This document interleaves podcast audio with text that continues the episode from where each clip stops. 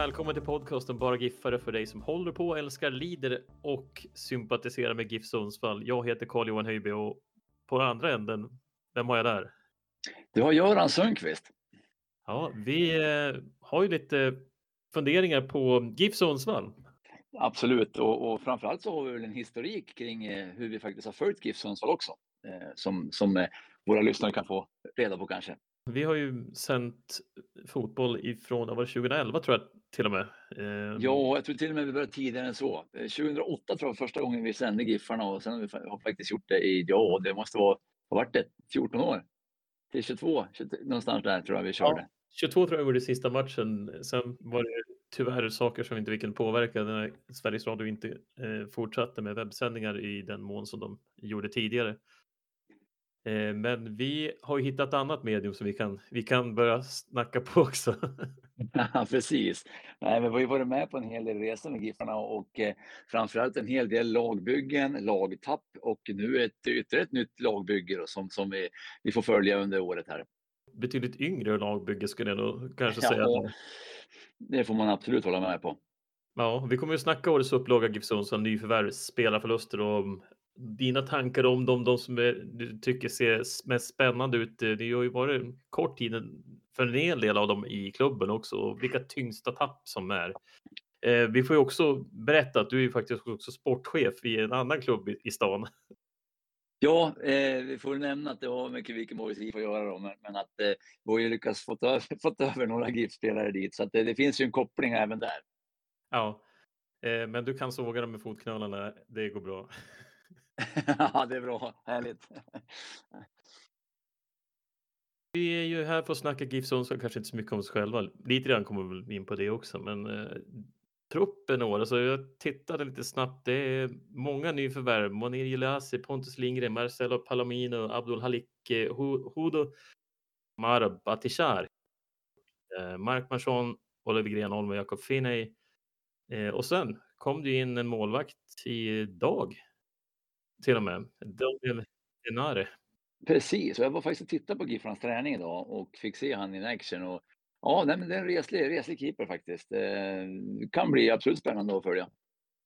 Och tanken var väl där också att eh, man tänker ju att Jakob Jäger Röding med det fantastiskt fina namnet ska spela lite mera och kunna, man kan ha honom i P19-laget också så kan mycket väl tanken vara och, och eh, det som du säger, Röding också ser spännande ut. Det är en otroligt, eh, en riktig coming man som målvakt. Det, det råder inget tvivel om.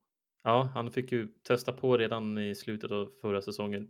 Dock tråkigt, eh, var det 4-0 mot eh, Öster sista matchen. Eh, mm. Inte hans fel att det blev så. Det var ju klart att man inte skulle riskera någonting och det kan ju vara att inställningen inte var på 100 på topp från spelarna där och det det ska inte lastas honom, men han fick ju erfarenhet i alla fall att ta med sig.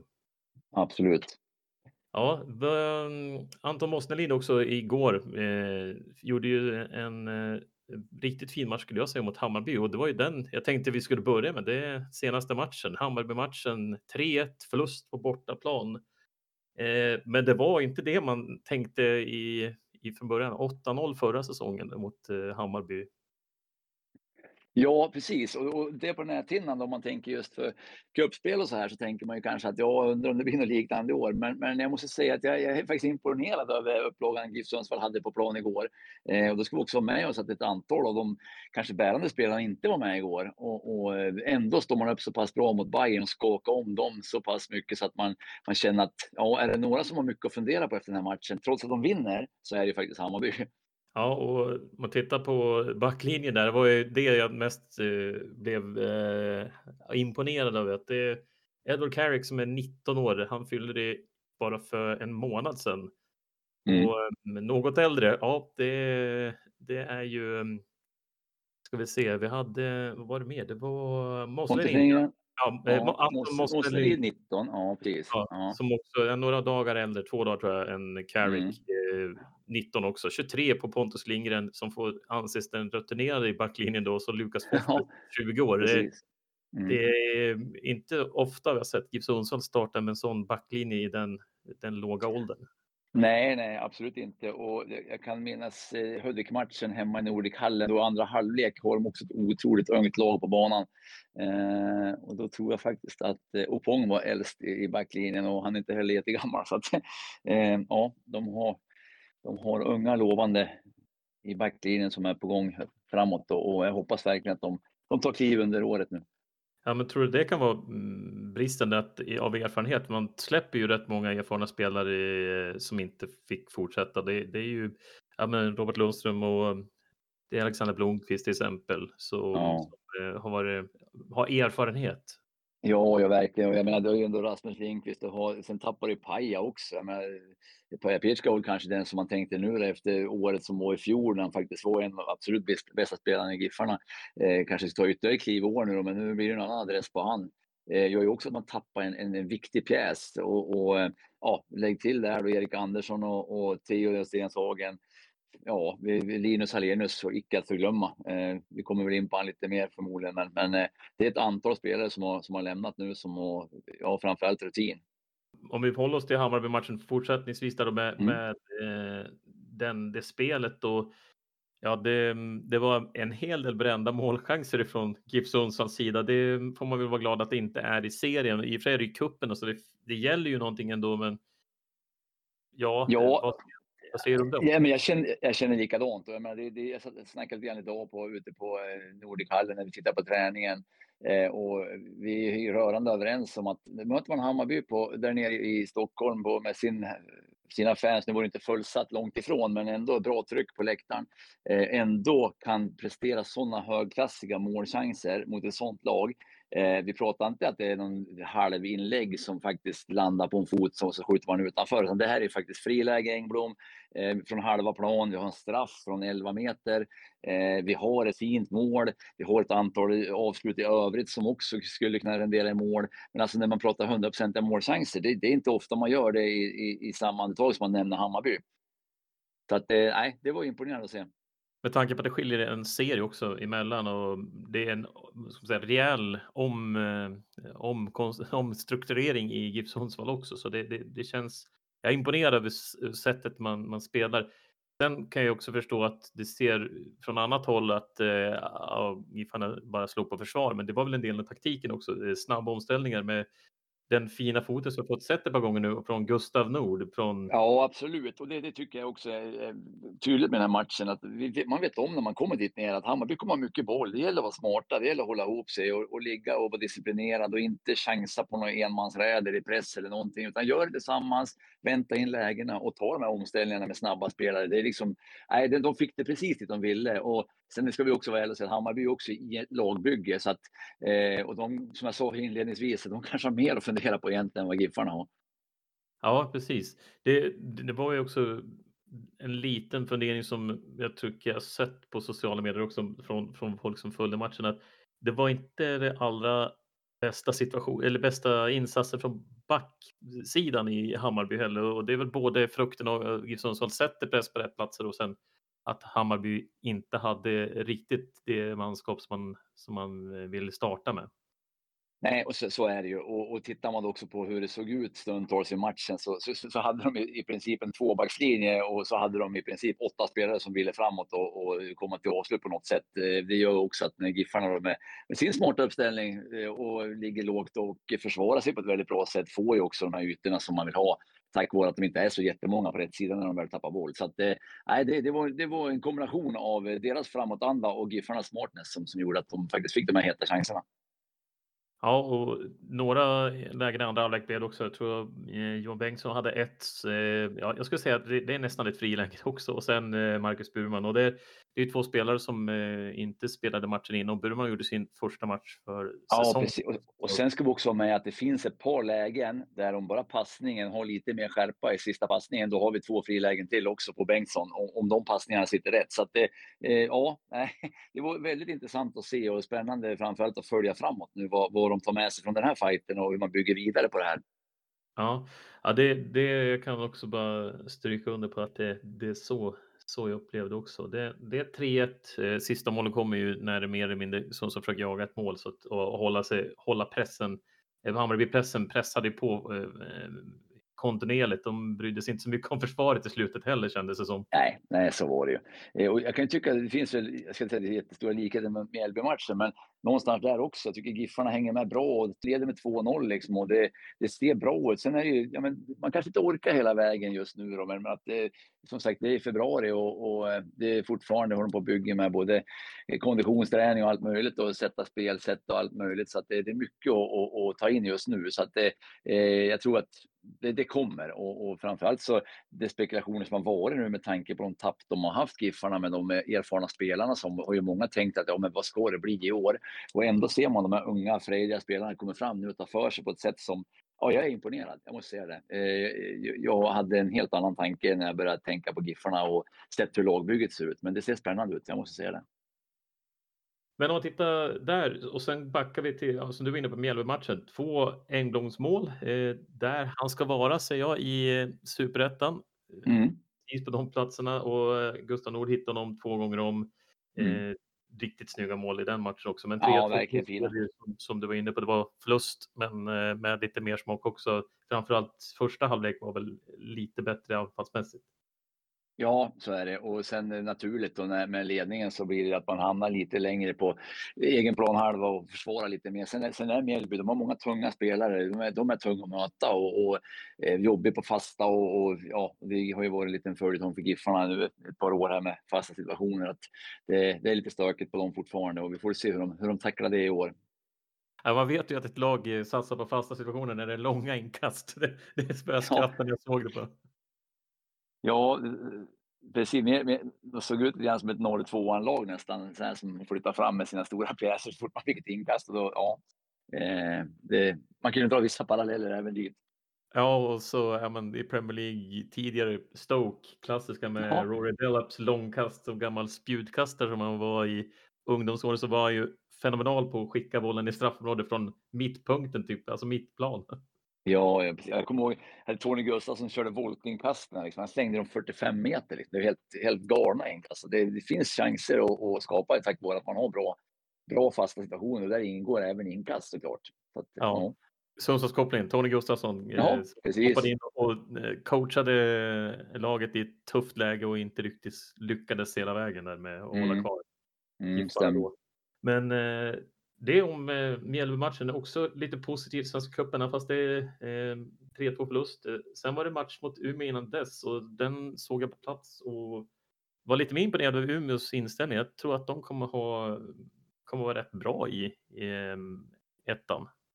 Inte alls omöjligt. Eh, det, nu är det lite, grann, lite upp till bevisår för dem. Eh, var det liksom ett, ett lag som håller till där i mittenkrokarna och så här, men kanske i år kan vara deras år. 1-1 i den matchen och det var lite eh, sent mål som uh, Giffarna släppte in där det var lite onödigt men 1-0 i alla fall snyggt från Karlström i andra ja, halvlek. Verkligen. Också viktigt få många målskyttar för försäsongen. Det fick vi ju framförallt mot Gävle. Eh, 6-1 och den eh, missade jag faktiskt att se. Så att den... Ja, den såg jag och, och det varit en väldigt konstig match. Eh, alltså Giffarna kom ju ut, eh, inte i någon rasande press och där, men Gävle bjuder dem på två snabba. Det står 3-0 efter 18 minuter och sen kommer fyran efter 24. Så att det blev en väldigt konstig match och, och sen naturligtvis träningsmatch, mycket byten sen och så här. Men jag tycker ändå att eh, man ska inte ta från Giffarna någonting av det utan man, man utnyttjar det Gävle faktiskt slarvade på och man straffade dem stenhårt och det, det, det, det är liksom det är livet det. Jag menar, eh, man förbereder sig inför match, eh, sitter inte detaljerna, nej, men då åker man på stor smäll och det, det fick Gävle erfara här uppe. Ja, och de har väl repat modet efter det i Gävle också. Jag kollade ja. med eh, Erik Karlsson som är sportchef på eh, tidningarna i eh, de två i Gävle och han sa att det var mer eller mindre ordinarie. Det var några spelare borta, men så pass mycket av vikt GIF Sundsvall. Ja, ja, precis. Nej, men det som sagt, det varit en väldigt konstig match och jag tror att eh, hade det inte blivit de här tre snabba målen, då hade det kunnat bli en helt annan tillställning. Men, men som sagt, nu, nu punkterade Giffarna här redan i första halvlek, så att då, eller efter 25 minuter så var matchen i princip död. Ja, och det, och det är inte så man vill ha försäsongen, att det blir så, för det blir så svårt att spela av matchen då. Mm.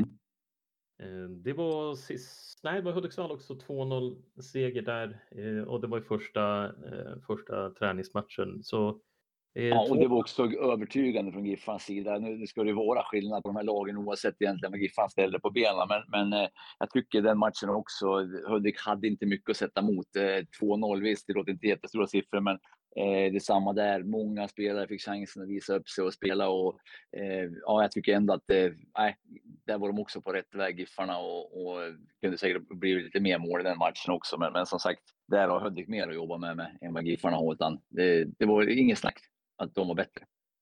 Ja, det har då avklarat alla träningsmatcherna. Det kommer en match nu i Svenska cupen mot Västerås. Inget att spela om eh, i cupen, eller vad säger du om den Ja, sista? alltså det, det där är ju på två sätt att se. Visst, poängmässigt och så där är det ju, vet vi ju hur läget är. Men däremot så är det så mycket detaljer i spelet som fortfarande som, som man måste sätta och som man vill få kvitto på att man är på rätt väg i träningen. Eh, jag såg i träningen idag, nu var det inte så mycket kopplingar till det idag på träningen, men att eh, just, just det här med att man försöker sätta med detaljerna, rollerna ska fördelas för spelarna, de ska veta vad de gör. Matcherna, det är absolut det som är liksom eh, det ultimata testet för att se att grejerna faktiskt går åt rätt håll. Eh, du kan spela träningsspel hur mycket som helst i matchspel också, men det kommer aldrig vara i närheten av hur det faktiskt är att, och spela riktig match. Så att eh, den matchen är viktig ur den aspekten, att faktiskt eh, fortsätta och sätta det, det, det arbetssätt man har tänkt sig och, och fortsätta med.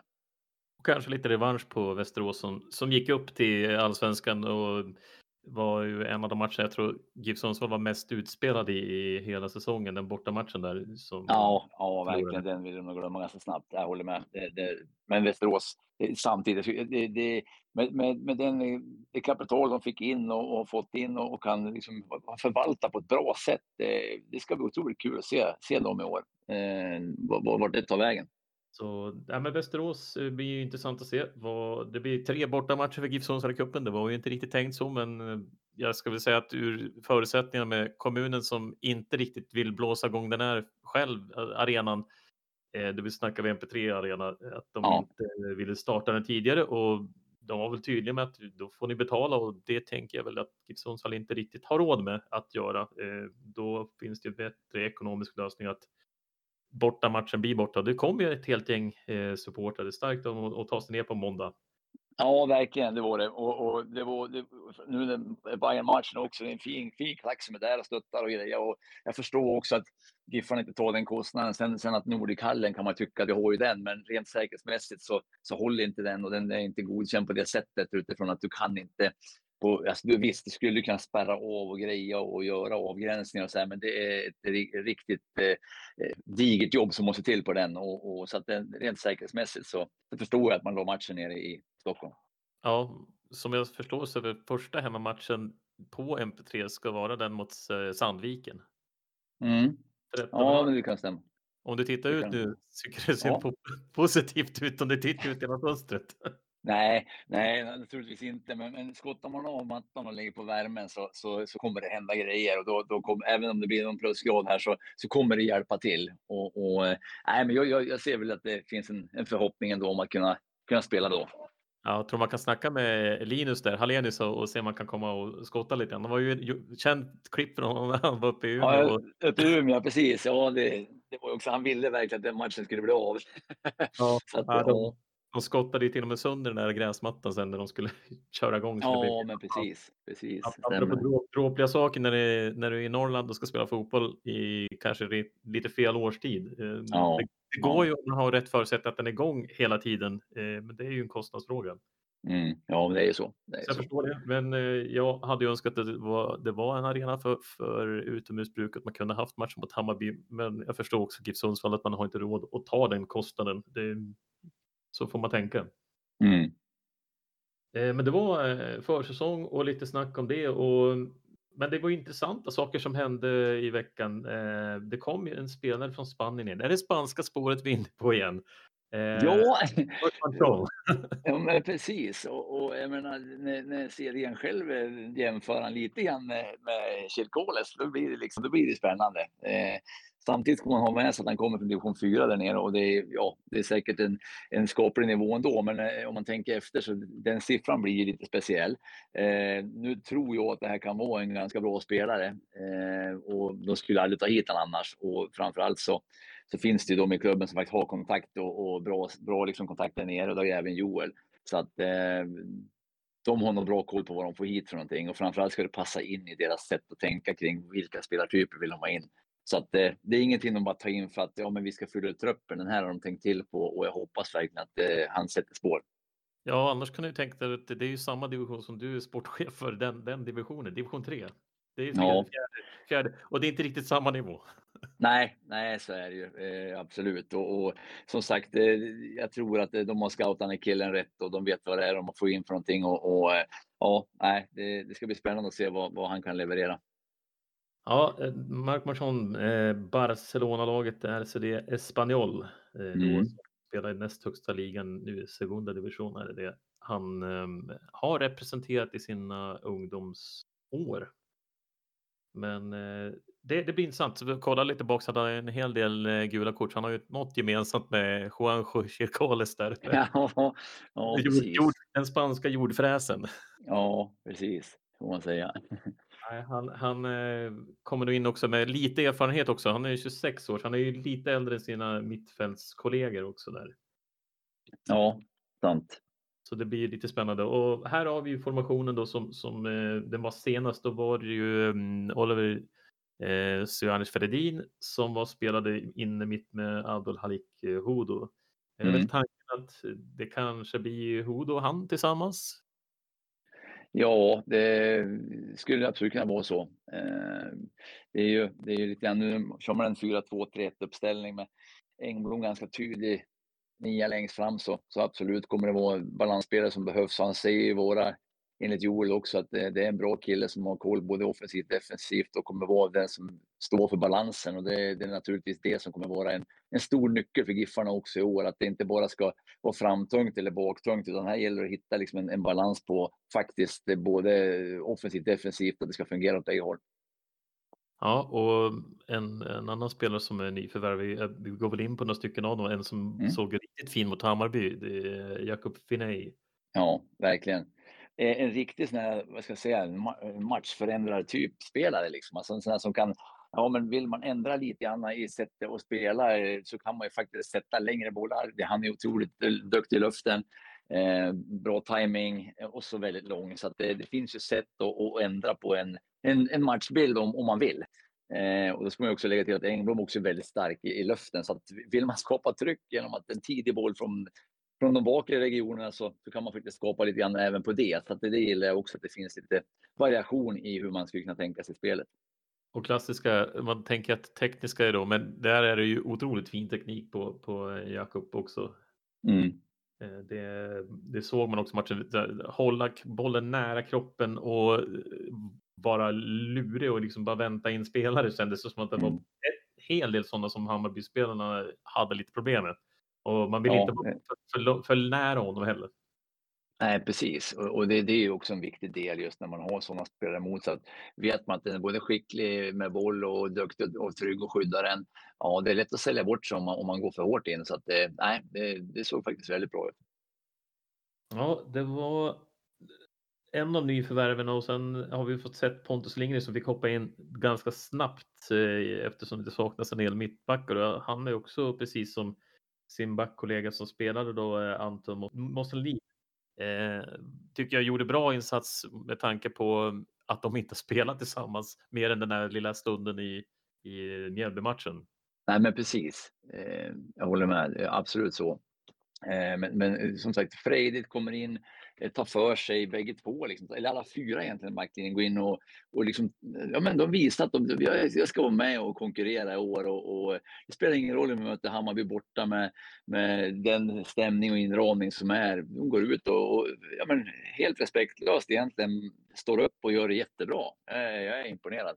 Ja, jag håller, håller med där. Det, det var inte det var inte, det var där jag tänkte att det skulle bli lite brister och sen, ja, Carrick hade lite tufft i början i första halvlek, men det rättade till sig där efter, efter varningen tänkte jag säga, då började det började bli lite bättre. Han fick en, drog ju på sig en varning där i eh, halvlek, men, jag tyckte ändå att han pass, anpassade spelet bättre efter det. Och det är Ja. ju tufft och eh, eh, tuff situation han hamnade där också, så ja, tidigt kort. Mm. Ja, precis, precis.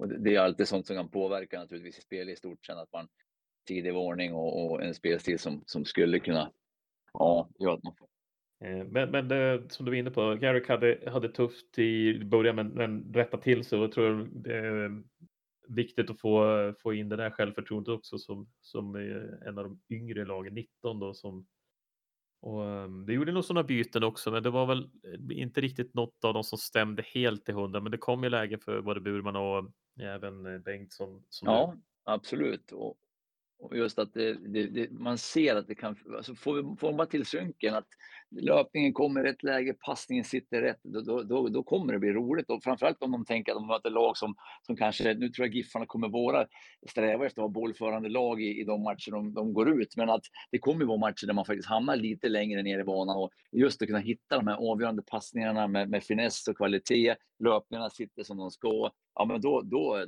då finns det otroligt mycket kompetens i det här laget, det är jag helt övertygad om.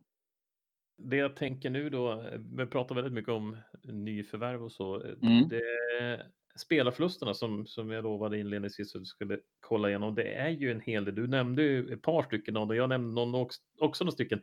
Alexander Blomqvist, Robert Lundström och Rasmus Lindqvist och ja, Linus Hallenius. Det, Eh, Erik Andersson, det är, jag sitter och försöker tänka på dem i rak ordning. Ja men, ja, men du kan ju ta Oskar Jonsson, målvakt, du har Theodor Stenshagen, du har Delkans utlånad, Pajapitska gick till BP, Gustav Molin, keeper i Falkenberg, Damus drog ut i Colorado. Ja, men det, det är otroligt många spelare som, som har varit med på, i hetlöften som, som, eh, som faktiskt har lämnat nu. Ja. Eh, och, och det, någonstans lär det synas, men, men eh, Eh, visst, ungdomlig iver, eh, det kommer räcka länge också, men, men som sagt, då är vissa spelare otroligt viktiga under den här säsongen.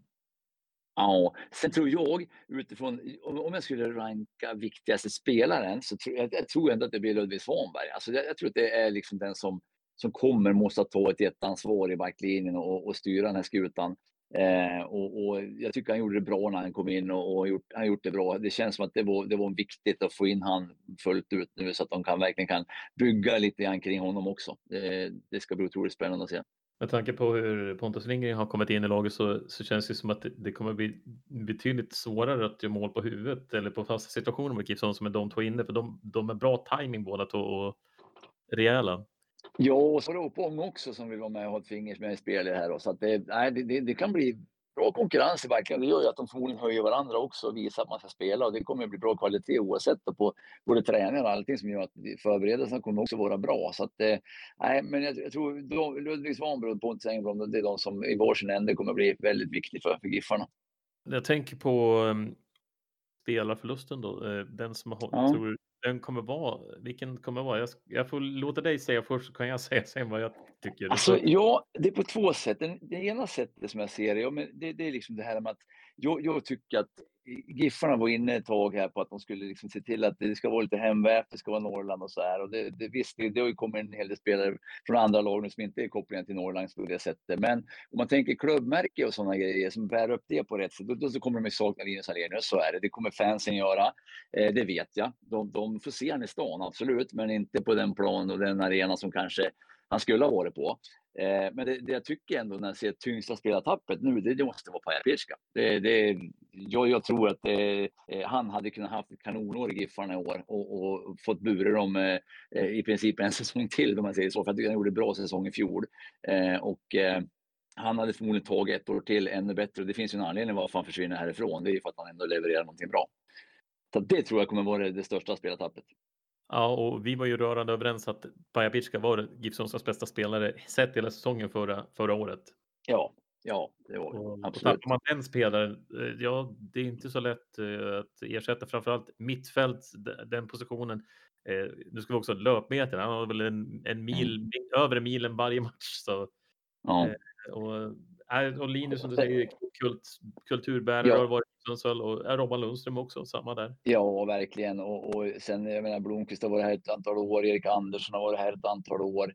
Eh, jag menar, Erik Andersson i, i toppslag är ju en otroligt bra mittfältare. Alltså, det är ju inget snack om saken. Eh, hade väl några indianare också i uppspelsfas ibland, men jag tycker ändå han också var en väldigt bra spelare så för laget och, och eh, kommer ju också saknas såklart. Men det är andra som får kliva in och täcka de här dojorna. Det är så. Men som sagt, eh, Paja tror jag det, det, det är nog det, den som är största tappet. Ja, överens med det. Om inte Paja hade varit kvar, då hade det varit Erik Andersson, tänker jag, rent spelmässigt och vad, Ja, hur han presterade. Så, så, och sen också personen, Erik Andersson tror jag är, är, har varit en, en person som, som eh, eh, lagkamrater och supportrar har känt liksom det här är en spelare som, som har eh, förkroppsligat eh, och levt upp till GIF Sundsvalls eh, varumärke på något sätt. Alltså det man Mm. vill att det ska vara stor och stark giffare. Han har, han har, eh, han har smält på och han har tagit smällar utan att gnälla. Ja, absolut. Och, och, och på, på det sätt som du säger också, just det här med Giffarnas varumärke. Man, man, här uppe i Norrland, fansen skriker alltid stor och stark Giffare. Liksom. Och det, det, han är inte jättestor, men han använder kroppen på rätt sätt. Och, och, och ja, nej, det, det är absolut en som, som kommer saknas. Så är det. Ja, och sen just med spelsättet och den, den, den fina speluppfattningen. Och, eh, det är väl det också. Så, men det finns ju som du sagt, det finns skor att fylla så det är upp till, eh, upp till bevis. För vad jag förstår så är in-truppen spikad vad det verkar på Joel Cedergren som pratade med Sundsvalls Tidning idag om det. Eller Mm. om det. Men att det ska spela ut och det kan jag förstå för det är lite för många spelare nu som inte kommer få speltid och det kommer inte vara glada miner om man inte får spela. Det, det, det är bara en, ett fakta. Nej, men så är det ju. Och, och jag menar, någonstans så visst, en bra träningsmiljö och träningsgrupp i all ära, liksom, men någonstans när det kommer till kritan så vill man spela matcher. Och, och, och då gäller det också att hitta den miljön som faktiskt är bäst för den spelaren och den individen. Och då kanske det är en annan klubb än GIF Sundsvall för vissa. Ja, men du som, du som har ändå ett par matcher, du är ju, du är ju stor giffare med över 100 matcher i alla fall i, i GIF Sundsvalls-tröjan. Mm. Vad, vad, vad skulle du säga den bästa säsongen som, som du hade när det var bäst stämning i, i laget eh, och vad berodde det på? Ja, men vi, vi hade ju några år där vi, nu var vi på 90-talet mestadels, men då, det var ju mycket berodde på att vi var ifrån stan de flesta. Vi hade ju, om vi inte hade kommit hit och varit här ett antal år så var vi ju lite smårotade med de flesta i området här och, och, och kände varandra väldigt väl och det var en otroligt, eh, jag måste säga en stor familj.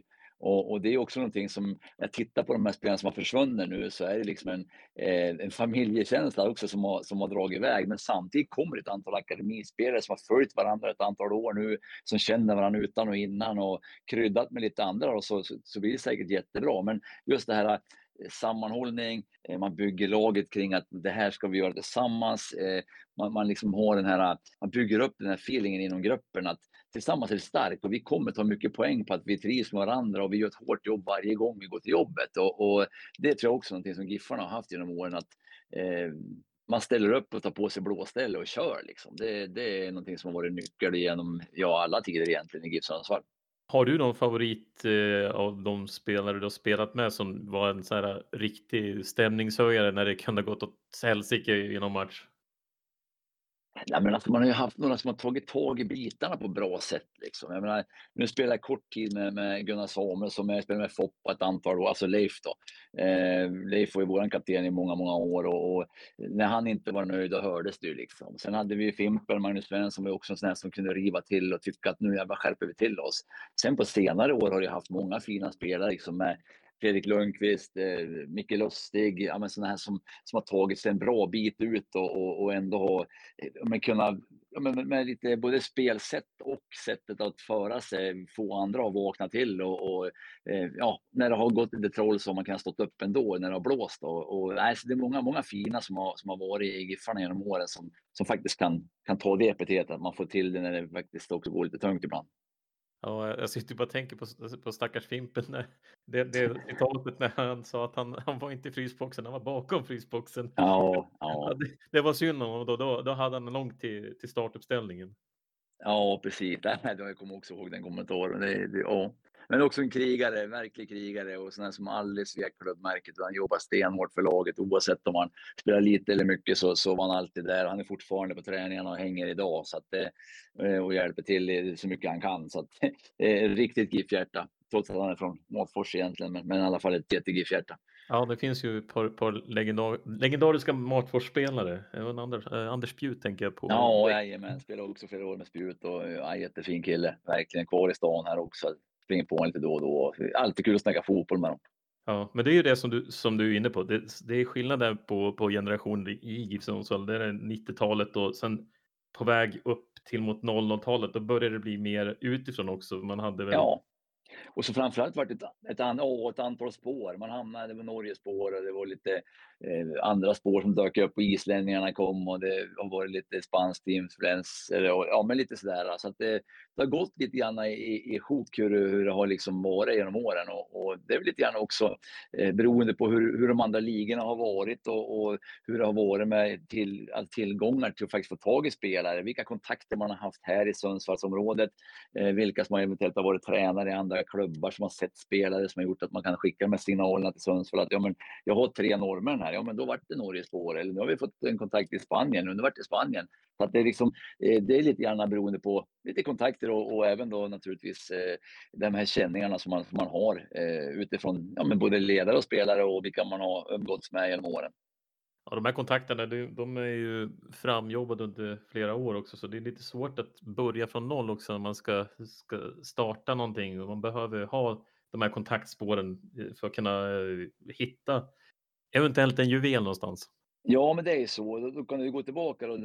Jag vet inte exakt alltså, hur många år man har de var i GIF Sundsvall, men, men att eh, hans kontaktnät, liksom, det har ju varit otroligt värdefullt också när det gäller att komma till kontakter med spelare och ledare och agenter och allt möjligt. Så, så har han haft en bra kontakt med dem. Sen nu, nu Joel, att han kommer in, finns ju också en anledning varför han har de här spelarna som kommer idag, för att han har en bra, bra tentaklar ute. Han känner mycket folk, han har varit på många utbildningar med andra ledare, eh, bra kontakter med dem och, och liksom få tips och råd och, och även naturligtvis ha, att Giffarna själva har folk som är ute och jobbar och, och, söker spelare. Så att det, nej, det, det, det finns en anledning varför vissa är i vissa positioner. Ja, det är otroligt eh, kul att se vad det kommer bli av det här laget som, som eh, nu har mer eller mindre blivit hälften kvar, hälften kommer utifrån nästan. Det... Ja, precis. Nej, och det, det, blir ju, det blir ju ett jätteuppdrag och en jätteutmaning och förmodligen en jäkligt kul utmaning för Douglas-gänget nu, liksom försöka sätta det här och hitta rätt balans och hitta rätt spelartyper för, och framförallt för rätt matcher. Vilka kommer vi använda oss av då? Det kommer säkert vara en hel del byten också på, på folk som man tänker att ja, men inför den här matchen då kommer den här starta.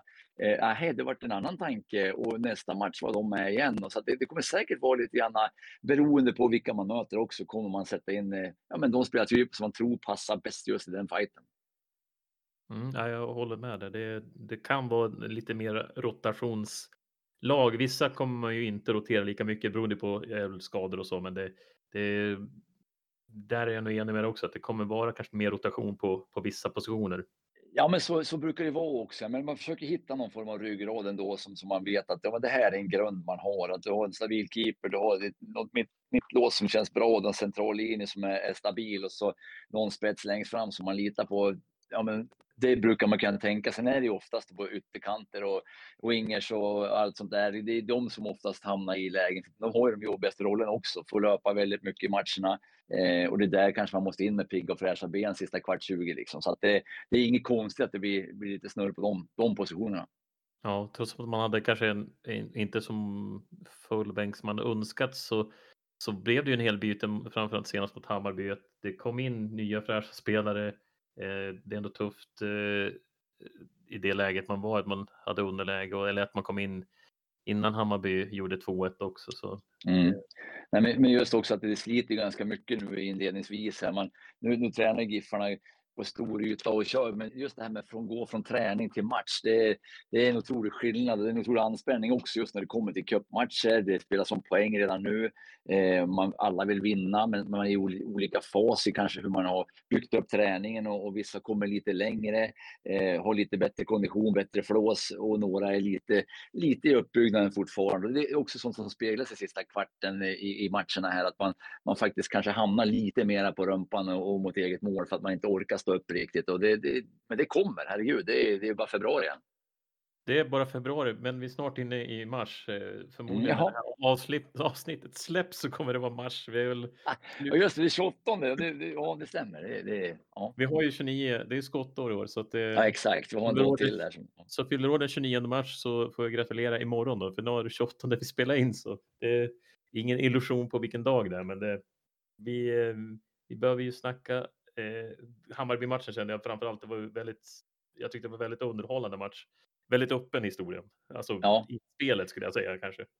Ja, och, och, som sagt, jag tycker att det finns mycket godbitar för Giffarna att plocka med sig från den här matchen. Och jag tror de känner det själva också, att de stod upp väldigt bra, skapade och tror mycket mot ett allsvenskt lag. Och det, det, tror jag de kommer ta med sig jättemycket från. Eh, och, och, just det här eh, respekten eh, man kanske har mot ett lag som man tycker ligger i en högre division. Eh, visst, man, man låg lite lägre och försvarade stundtals, men, men det är ju bara smartness. Det, det, det, det hade man gjort själv om man varit coach. Att lägga lite lägre, se till att hålla ihop och så sen kontrar man när får chansen. Och, och jag sen tycker jag att de också spelar väldigt bra stundtals. Höll bollen, knackade sig ur lägen, eh, vågade vårda den också. Det, det, även fast man satte lite under press där, men att man försöker ha en tanke och en idé kring hur man även ska ta sig ur trånga lägen. Och när du säger det så, så var det en sak som jag reflekterade exakt nu när du sa det. Det, det var ju, eh, jag tror Erik Edman som var expert om jag inte minns helt fel, som förstod, undrade varför GIF Sundsvall eh, rensade bort bollen. Så, så bara, du har inte sett GIF Sundsvall i tidigare säsonger när man inte rensar bollen. Då, då brukar den hamna i egen kasse. Så att, eh, jag, jag, jag skrattar lite grann för man, han har nog inte sett dem i den, de situationerna. Man vill inte sätta sig i den sitsen, framförallt mot Hammarby. Ja, nej, och, och, det har ju vi också suttit och sett på MP3 ett antal gånger att man har tappat boll tidigt i speluppbyggnaden och så har man blivit straffad ganska hårt och framförallt med mål då. Och det, det är klart, eh, så här tidigt och, och, och, framförallt när man spelar borta mot Bayern så, så vill man undanröja att sånt ska inte ske. Liksom. Sen att man absolut kan prova att knäcka sig ur ibland, det, det ska man också göra, för det, det tyder också på självförtroende att man, man vågar och att man har en tanke med det man faktiskt gör. Men att någonstans så kommer man till en gräns där man måste värdera också ta bra beslut och då, då kan det vara läge att sätta upp den på läktaren ibland. Ja, det är ett, alltid ett bra, gott allt. Det finns alltid det alternativet om man har bollen. Precis. Det är kanske min, min favoritsätt att skicka iväg bollen i rensande lägen. Det, när jag lirar en gång i tiden. Jag har ju tyvärr inget förflutet i GIF Sundsvall som du har, men Selången, där, där har vi nog gemensam nämnare. Du har väl varit i Selången? Ja, absolut. Jo, men jag har varit i Selången också ett, ett, ett, par år där, så att det absolut. Det, finns lite koppling dit också. Det, de är också division 3 nu, så det är lite kul. Ja, men annars så får mm. jag ändå ge moderklubben en, en liten eh, blänkare för de fyller 100 år. Du vet vilken klubb det är som är min moderklubb?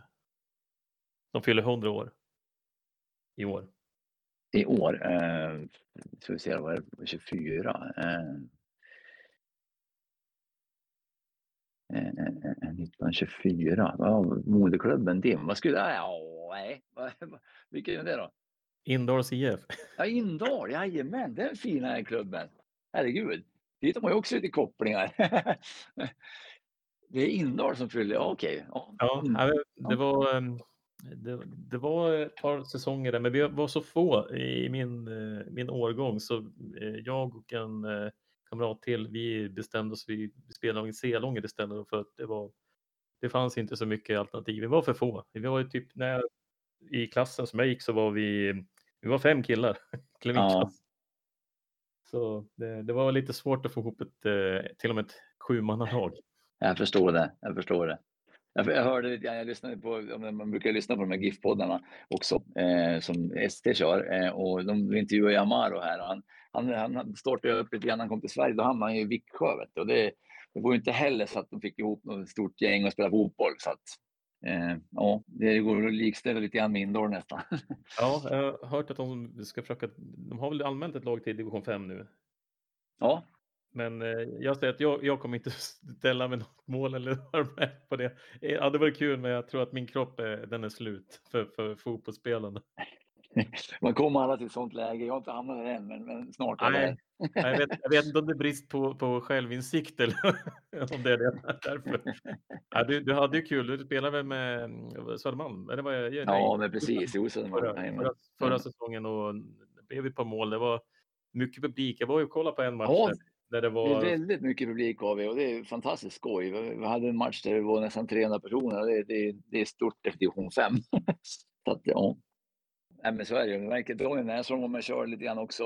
Fick också lite ont i kroppen. Och, eh, ja, lite, Henna Westerin har ju stått i mål i ett par matcher hos oss också. Ja, och med GIF-anknytning är ju det. Ja, men det är mer och Sen har ju varit lobbat för både Torssell och Kalle Ståhl. För de har ju också åldern inne för att vara med i Södermalm. Ja.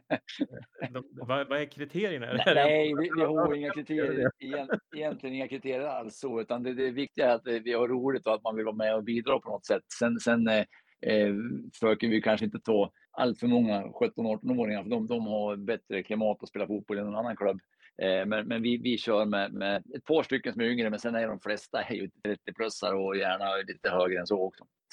Ja, alltså lokalfotbollen är femman lägsta som vi har i Medelpad i alla fall. Det, det, är ju det är lite tråkigt att det inte finns nivå 6, men det är ju det är ju det där. Du måste ju ha eldsjälar som håller liv i de serierna också. Det... Ja, och nu såg jag att Nedansjö också drog sig ur helt och hållet i division 5 i år, så det, det, är lite stökigt att få ihop folk, framförallt lite utanför stan här. Då är det jobbigt. Så ja, att, eh, ja, man vill ju ha en medelpad femma eh, hel och sen eh, ja, men fyran eh, och sen trean blir ju lite spretig då som ni är. Mm.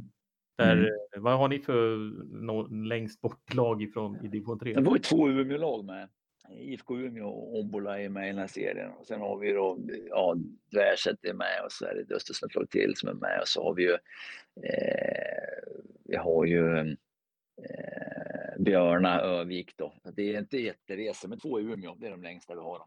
Ja, ja men det, det är ändå överenskommet till tre och en halv, fyra timmars bussresa. Ja, men det är ingen fara, herregud, det, det går. Eh, Kiruna är längre. Ja, det har ju det som de kommer division 2, då får man, då får man, ja. då får man räkna avstånd. Det... Precis, då snackar vi avstånd. Nej, där, eh, och sen har division 1 i den där serien som, som eh, alltså, inget norrländskt lag egentligen vill spela för det kostar så mycket också.